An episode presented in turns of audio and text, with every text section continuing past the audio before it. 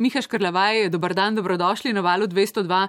Verjamem, da se vas naši poslušalci še spomnijo kot so voditelja iz serije Vodenje s posluhom. Kaj vam ostaja v spominu iz te serije?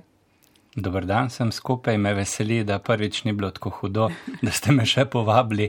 Uh, predvsem si vodenje s posluhom uh, nekako imam v lepem in prijetnem spominu po uh, zanimivih gostih.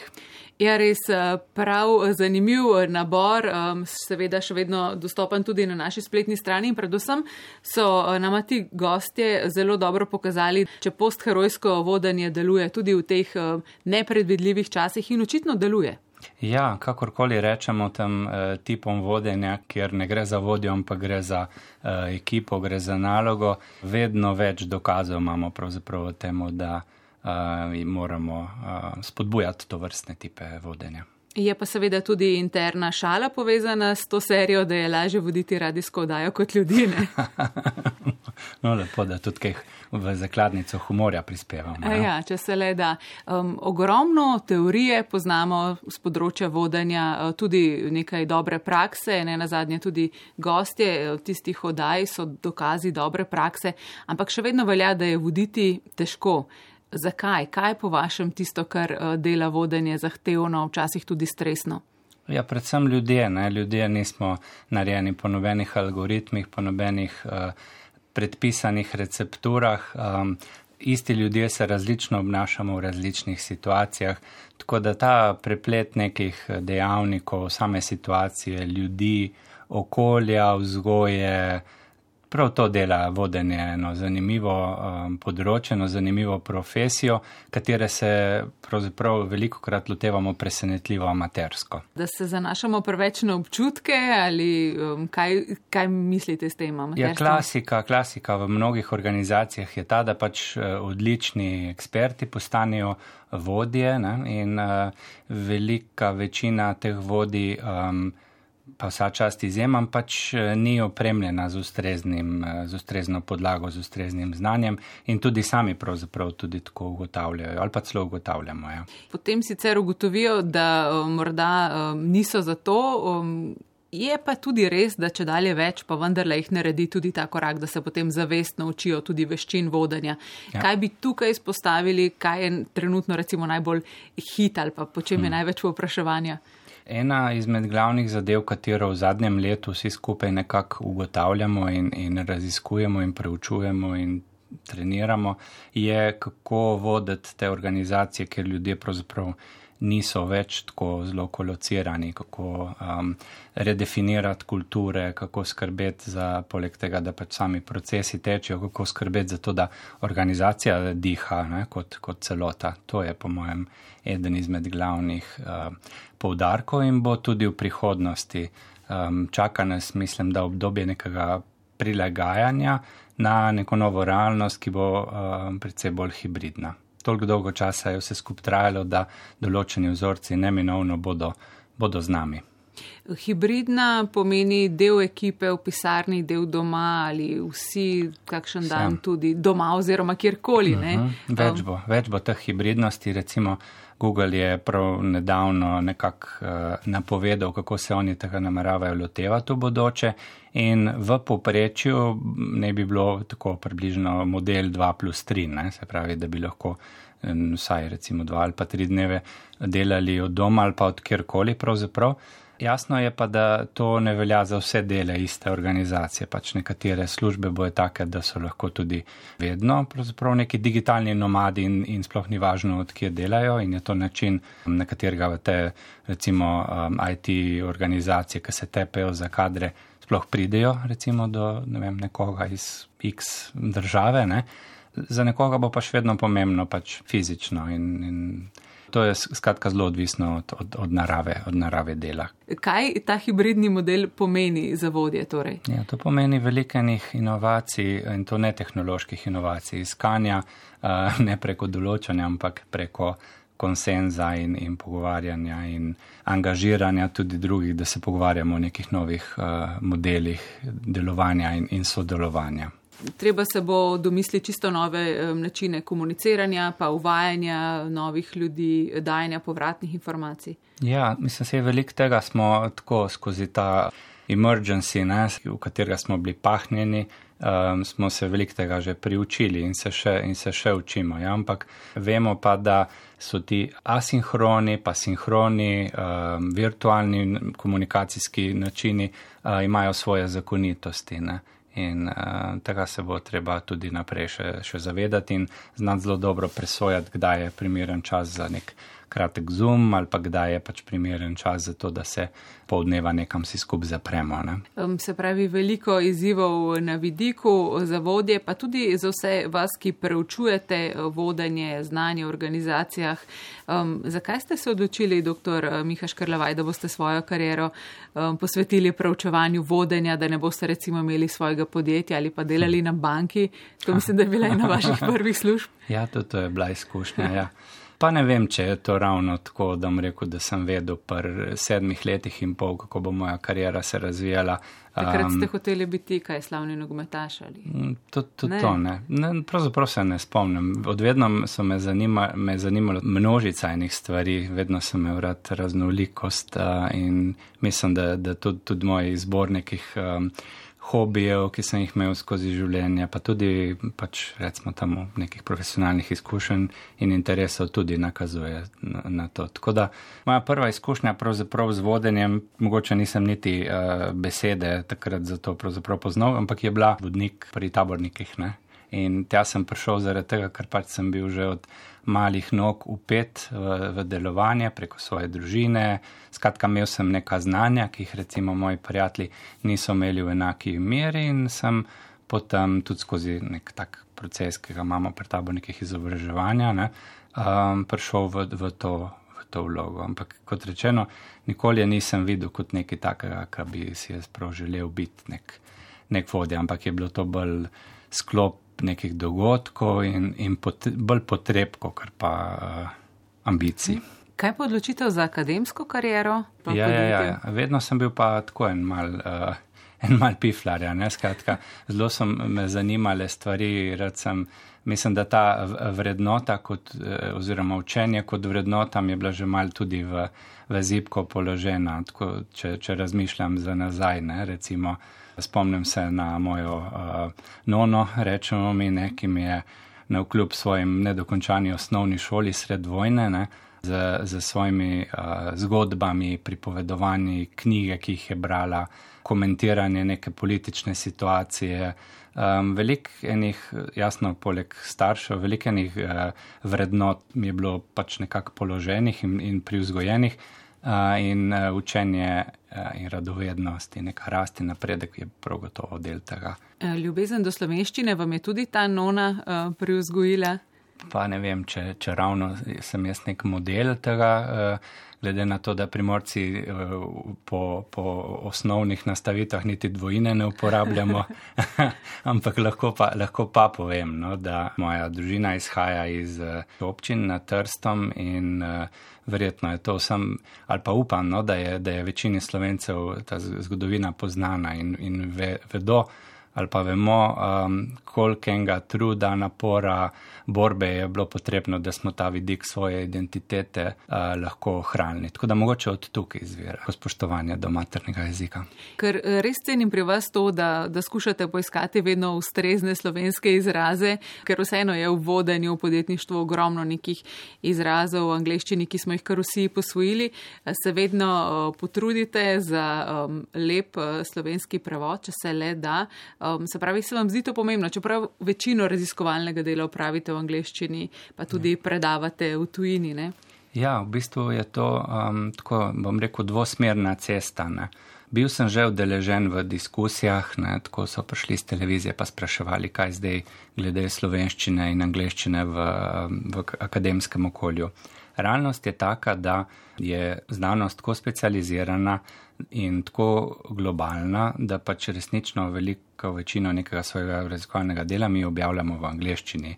Hkrati se mi zdi pa izjemnega pomena tudi to, da, da najdemo neke lepe slovenske besede, da takrat, ko se srečamo zlasti v strokovnih krogih, da takrat, ko se z študenti pogovarjamo, da imamo, um, da bogatimo tudi naš besedni zaklad. Skratka, neko pravo ravnotežje med tem, da, da se ne zapiramo v svoj uh, omejen majhen prostor in hkrati, da pač samo zavestno predstavljamo to, kar lahko tudi mi skozi svoj jezik in, in še toliko bolj skozi svojo raziskovalno dejavnost tudi prispevamo neki globalni zakladnici znanja. Za svoj prispevek k svetovni znanosti na področju razumevanja eh, ravnanja znanjem in inovativnostjo ste prejeli Cojzovo priznanje lani.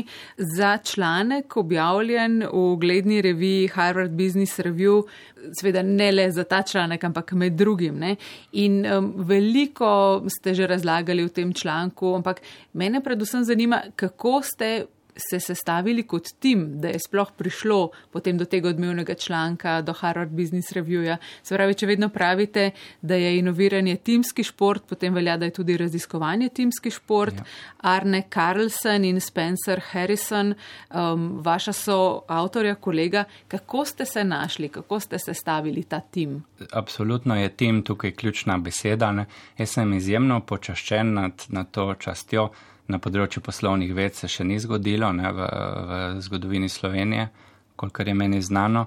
Zasluga je pa resnično eh, pripada večjim timom, ne samo meni. Se pravi, komisija je prepoznala prispevek, ki smo ga naredili vsi skupaj na področju menedžmenta inovativnosti, pa tudi um, ravnanja z znanjem oziroma bolj konkretno specifično skrivanja znanja.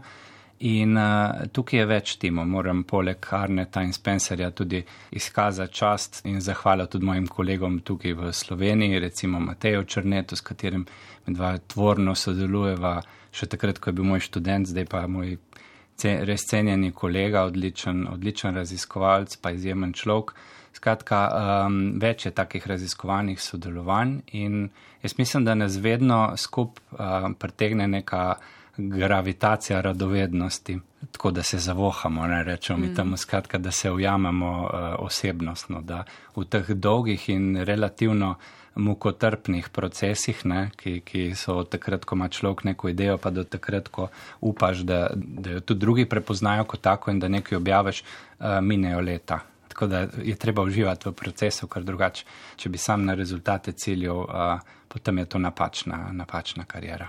Ja, ker sliši se fantastično. Uh, Mihaš Karlavaj, drugi slovenec, ki je imel članek objavljen v Harvard Business Review. Ne? Ampak ta proces je pa res mukotrpen, kot pravite. Uh mhm. -huh. Koliko časa je trajalo te prve ideje, ko ste se začeli pogovarjati, hm, narobe je, da razmišljamo o inovativnosti, kot naberimo veliko idej in potem jih veliko ja. zmečemo stran, um, do tega, da je bil članek objavljen v tej ja. ugledni reviji. Zanimivo je, da je bil to eden krajših procesov, pa je vseeno trajal uh, nekje 4-5 let. Ja, veliko dela, pa velike neustrajnosti, veliko. Uh, borbenosti je treba tudi v teh procesih pokazati. Um, se veselim nadaljevanja tega pogovora. Zdaj um, presenetljiv izbor uh, prve uh, glasbene točke, ko so govorila prej o angleščini, v slovenščini, uh, dodajava norveščino. Ja. Norveška zato, ker smo pač tam preživeli svojih pet let um, in še vedno ostajam kar povezan z, moj,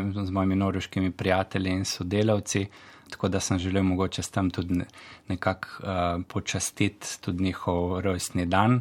17. maj se te ne maj rečejo temu in to je verjetno edina parada na svetu, ki, uh, ki je uh, parada otrok in pihalnih orkestrov, ne pa uh, vojske in topov. Doktor Mihaš Krlavaj, na Norveško ste nas eh, popeljali z glasbenim izborom. Liten Fugel, se ja. pravi mali, mali ptiček. Dva razloga sta, zaradi katerih sem ravno to pesem izbral. Mislim, da odraža norveško dušo, skratka, že s tem žanrsko gledano, zelo so ponosni na svoje tradicije in na to, odkje prihajajo. Hkrati so pa malo rokeri, ne? Tako, če, če, če se le da vse hkrati. Vse hkrati, če se da. Tudi v tej ja, pesmi. Ja. To, to je nek blend.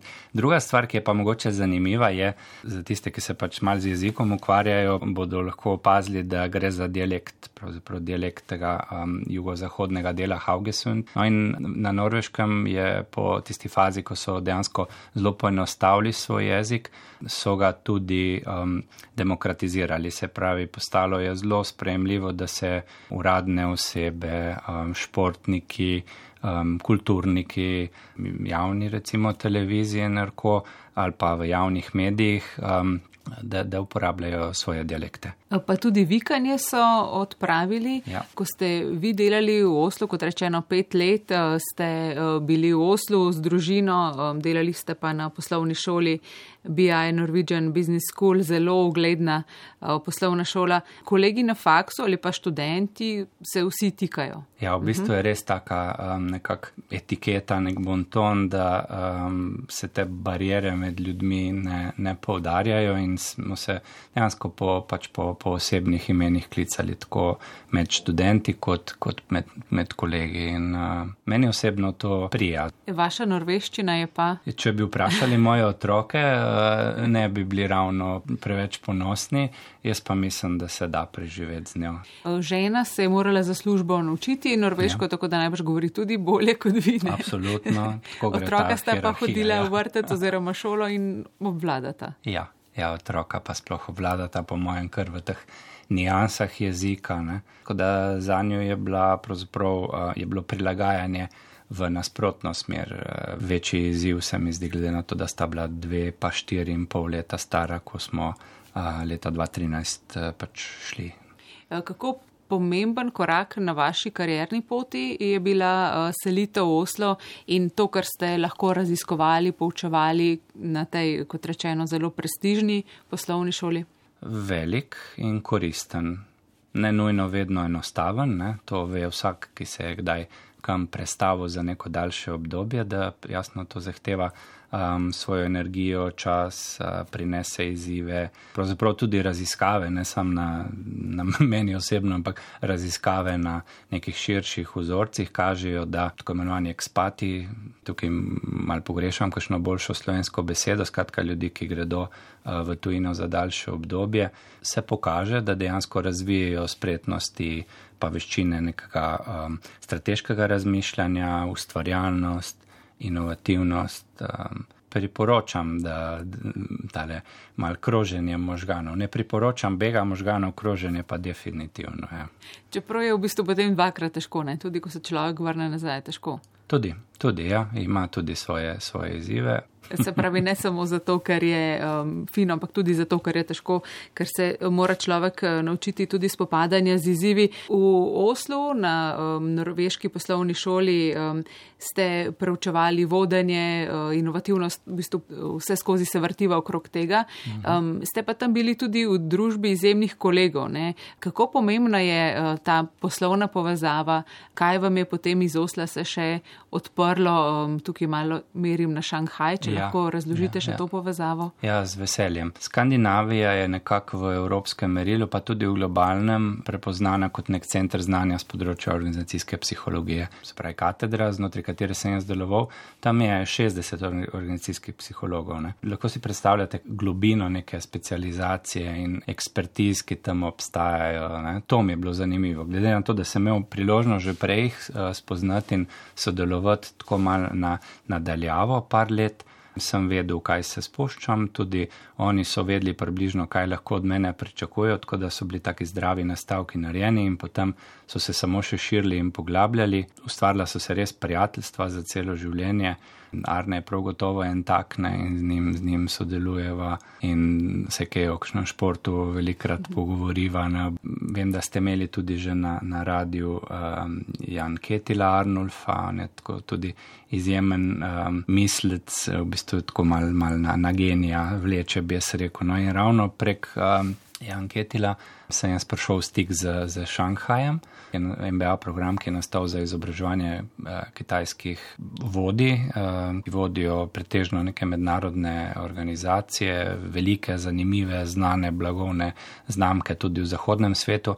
Skratka, Jan Ketil me je povabil in eh, tako se je začelo to sodelovanje, ki se še zdaj nadaljuje. Se pravi, predavate uh, tudi poslovnežem, vodjem, ki vodijo uh, res znana. Um, Bogata podjetja. Ja. Uh, zdaj, letos pa lani niste bili v Šanghaju, sicer pa pač odletite tja in imate to zanimivo izkušnjo. V bistvu dvakrat letno grem sajno. Iz znanih razlogov, jasno, pač potovanja so bila zelo otežena, ampak smo se hitro zorganizirali. Dejansko je bil moj predmet ravnanje z ljudmi pri delu, se pravi HRM um, je bil prvi, v katerem smo najprej prišli na um, pač online izvedbo in smo jo lepo speljali. Zdaj so pa razmere že take, da imamo hibridne izvedbe intenzivna, eh, ampak vedno, vedno znova zanimiva izkušnja. Eh, verjamem, pa tudi si predstavljam, da se ne, ne strinjajo z vsemi vašimi, ne bom rekla nujno predlogi, ne, ampak uh mhm. -huh. ugotovitvami, da imajo kakšne svoje poglede, kako so potem te diskusije. Ja, in um, čeprav nisem ravno naklonjen temu, da, da bi nekaj posploševal, ampak dejansko je za en znaten otenek več pač to ohraniti obraz je pomembna karakteristika pač eh, azijskih kultur. Kar sem se moral naučiti v vseh teh letih, je tudi brati povratne informacije, ki niso, niso verbalne ali pa tudi z obraza je malo težko kaj prebrati. Skratka, um, si vzpostaviti in kupenih kanalov komuniciranja, mal na WeChatu, mal z ekipo tam, zato da res teče um, komunikacija v obe smeri. In v osnovi pa veljajo iste stvari, no? če se obnašamo človeško in do drugega, to funkcionira ravno toliko v Ljubljani, kot funkcionira v Oslu ali pa Šanghaju. To me veseli, um, ampak um, vseeno, um, ko govorimo o ravnanju z ljudmi uh, pri delu, uh, bi se zdaj pomodila še pri um, močni, pogosto izrečeni, včasih tudi zlorabljeni besedi empatija. Poudarjali ste že, da v vrcih na norveškem sistematično uvajajo empatijo ne, oziroma skušajo nekako otroke ja. navaditi na to. Um, zakaj se vam zdi to pomembno? To je ena tak, tako osnovna, pa tako zapostavljena uh, veščina človeška, da je res um, kar mal žalostno videti, kako na njo pozabljamo. Um, danci so mogoče še en korak naprej pred Norvežani, ampak lahko povem čistko iz, iz izkušenj najnih otrok, ne, kako so bili sprejeti že prvi dan, ko sta prišla štiri leta in pol pa dve leti stara, ne, ne da bi znala eno samo besedo, so bili že otroci okrog njiju, so bili že pripravljeni, da prihaja ta in da ona dva pač eh, še ne znata norveško, ampak da, da,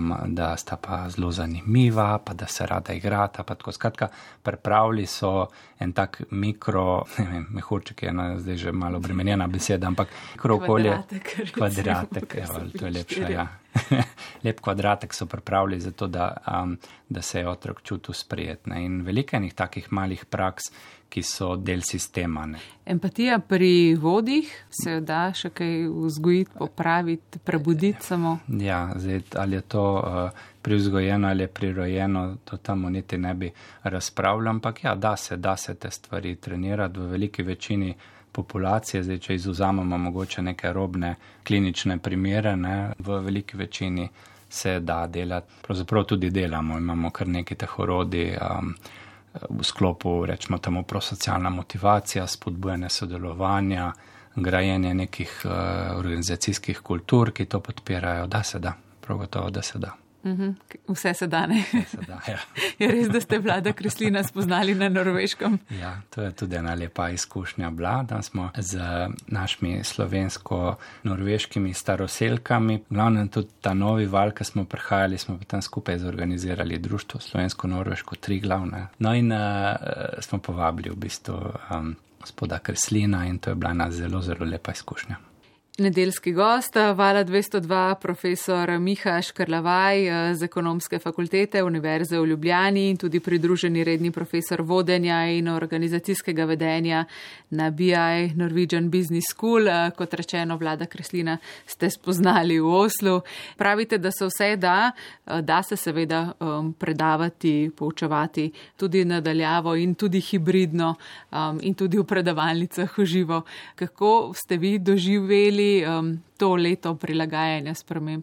Po eni strani je to eno leto, katerega bomo z veseljem pozabili, um, po drugi strani pa mislim, da je izjemna priložnost za to, da se veliko naučimo in o sebi, in o, in o ljudeh, in o organizacijah. Tako da to je bil očitno en tak uh, test za celo družbo in um, se mi zdi, da, da so zelo um, izplavale v najboljše pa najslabše stvari.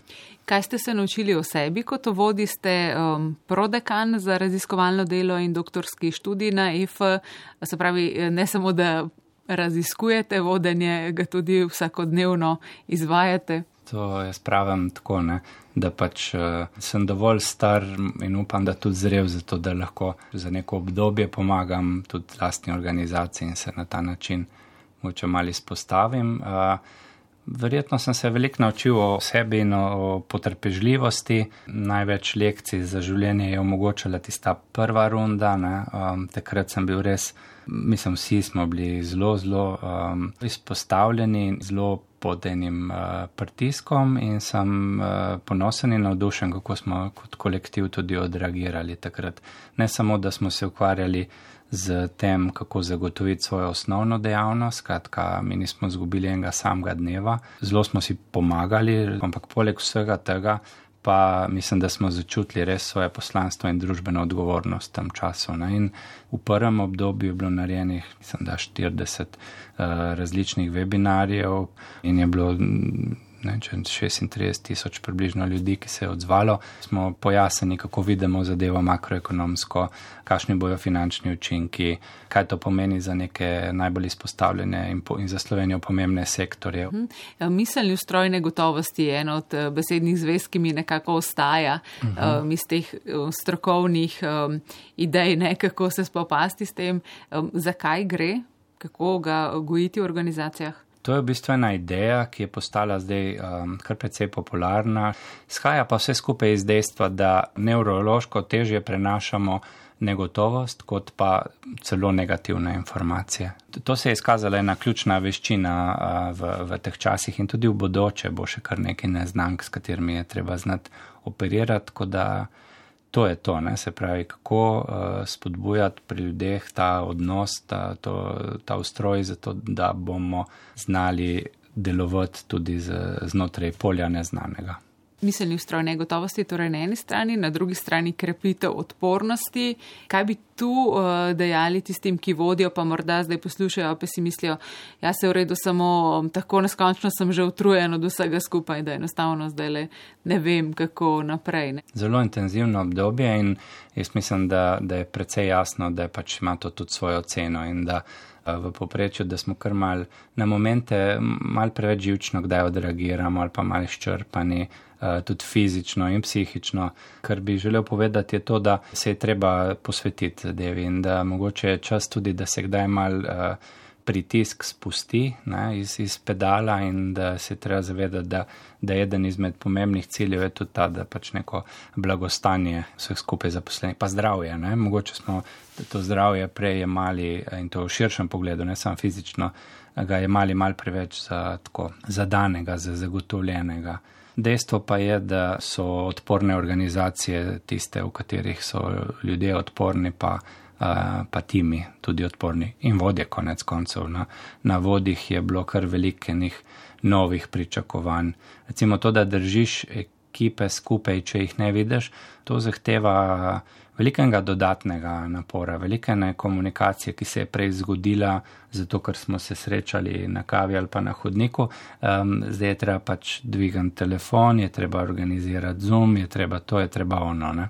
In potem je treba biti še zanimiv, motiviran, ker ja, sicer eh, inspir, ljudje ugasnejo kamero in delajo kaj drugega. Ne? Absolutno, ne? to je nekaj najbolj normalnega. Da, da če tekmuješ z pač, eh, televizijskimi šovi, je, je bitka vnaprej eh, nekako. Um, nimaš ravno enakih pogojev. No? Uh mhm. -huh. Imate tukaj še dobro foro, trik, tako kot eh, predavatelj študentom, kot tudi vodja sestankov? Ja, ne vem, če so to ravno triki, no, ampak um, v osnovi gre res za empatijo. Kaj bi bilo za me koristnega, ko jaz doživljam to, to samo situacijo? Naučili smo se predvsem to, da je pač format, ki ga je treba. Spremeniti. Um, Zumi naši izgledajo v osnovi pred, so precej bolj uh, televizijski, ne? se pravi, ta scenarij je treba um, predvsej bolj predvideti, vedeti je treba približno, kaj se bo kdaj zgodilo. Potrpljenje na, na, na, na Zoomu, online oblikah je predvsej uh, nižje od tega ne moreš ne, pač neki tako um, iskati, zdaj bom pa imam, sem dobil eno idejo, bom jaz mal po internetu izkopal, vam to pokažem. Stvari morajo biti pripravljene. Um, in, interakcija je tista, ki, ki aktivira ljudi, ne se pravi obdobja. Koncentracije so krajša, nekako 20 do 40 minut se je pokazalo, da je idealno, ne jih ne delam, ampak idealno je tako pač Microsoft je delal raziskave, ki je to ugotavljal. Mislim, veliko se mora dogajati. Ja. Akcija. In akcija, se tudi vam uh, veliko dogaja. Ne? Kako skrbite za svoj urnik, kako postavljate prioritete? Slabo. ja? ja, slabo je kratek odgovor. Poskušam, poskušam malo mal več telovadbe, uh, veliko. Uh, se vem, da nisem edini, no, ampak mm, več, več stika z naravo. Plus, časov je bil tudi ta, da, ne, da nisem več toliko na letalih kot prej. Ne, se pravi, da se neki, nekako normalizira človek eh, spanje, deloma tudi prehrano, tako te osnove. Ena na ena, ne uravnoteženega življenja, ampak ne trdim, da ga imam daleč, če smo do tam. Aha, imate tudi vi še nekaj izzivov, dobro. Uh -huh. um, ko pride rok za vdajo pomembnega članka raziskave, ste med tistimi, ki zadnji, um, zadnje tri noči ne spijo, pišete um, ali ne, ne, to ne, pa ne, si ne. ne dovolite več? Ne, mislim, tega pravzaprav tako nisem nikoli uh, funkcioniral, ker uh, rad zmanjšam verjetnost, da, bo, da se bo kaj uh, pač zgodilo oziroma da bo, da bo prišlo do kakšnih zapletov. Tako da jaz načeloma poskušam vse stvari delati uh, za rezervo in, in naprej. Fino, sprašujem tudi o spanju, zato ker ga zdaj. Uh, proučujete um, skupaj s kolegi. Um, zelo zanimiva raziskava se mi zdi, um, v bistvu še dokaj sveža, ne? tako da ne vem, koliko že lahko razkrijete. Morda vsaj, zakaj ste se lotili, pa kaj, ja, ja. kaj je hipoteza. Pa ja, sem mi radi tako, reko, raziskovalci govorimo o svojem delu, tudi če še nimamo pravzaprav česa oprijemljivega. No, vi ravno ne sodite med take raziskovalce. ja. Ne, ne. V bistvu je tako. No. Um, najprej se pogovarjamo z vidika, z vidika pač motivacijskih vzgibov, se veliko pogovarjamo o smislu in namenu in tako naprej. Um, tudi pri ekonomistih ne, se veliko ukvarjajo z nekimi dodatnimi metrikami, ki grejo preko uh, bruto družbenega proizvoda in produktivnosti in dodane vrednosti. Skratka, zdi se mi, da je, da je en tak dober uh, trenutek nastopu, da se, da se tudi pogovarjamo o um, o blagostanju. Um, in zdaj, to blagostanje ima velikenih različnih dimenzij. Um, spanje je pač en del našega življenja, ki ga vsak, če živi približno zdravo, nekako tretjino ne, svojega življenja um, nameni. Delo pa vsaj tretjino, ne, če govorimo za odrasle ljudi. Tako da želja je, da povežemo ta dva segmenta in da tudi uh, uporabimo neke inovacije in, in da izkoristimo razvoj, ki je bil narejen na, na, na področju merjenja letega v preteklih letih. Se pravi, da bi skušali povezati kakovost eh, spanca in zauzetost pri delu ali um, kakovost spanca. Pa... Stvari, ja, recimo inovativnost, inovativnost je že ena, uh -huh. že ena taka stvar, ne? um, tudi vidik sodelovanja pri delu. To so neke naše povdarke, ja, s katerimi uh -huh. se ukvarjamo ponovno ekipa, oziroma mogoče celo več, več ekip, bom rekel. O inovativnosti eh, veste ogromno, ne se pravi um, študija um, spet ta Marvel, ki smo ga omenjali na mhm. začetku, uh -huh. kaže, da je treba za to, da bi lahko inovirali znova in znova kaj. Um, če zelo na kratko povzamem, kaj je glavno sporočilo, je to, da potrebujemo za stalno inoviranje ravno tako potrebujemo stabilnost, kot potrebujemo spremembe. Ne? Načeloma smo vedno povezovali inovativno z nekimi stalnimi spremembami, ampak dejansko je Marvel pa še kakšno podjetje oziroma organizacija je, so pokazali, da je stabilnost enako pomembna kot so spremembe. Se pravi, da gradimo iz tega, kar nas je delalo uspešno, recimo v preteklosti, iz nekega domensko specifičnega znanja, ki smo ga imeli, iz nekega intelektualnega kapitala, ki ga imamo, ne, pač tisto, kar nam je zagotavljalo uspeh v preteklosti, da ravno prav novega dodamo in ravno prav starega ohranimo, da smo uh, pač zanimivi za svoje ciljne publike. Najti mero ravno prav je pa seveda Izjemno težko. Izjemno ja. težko.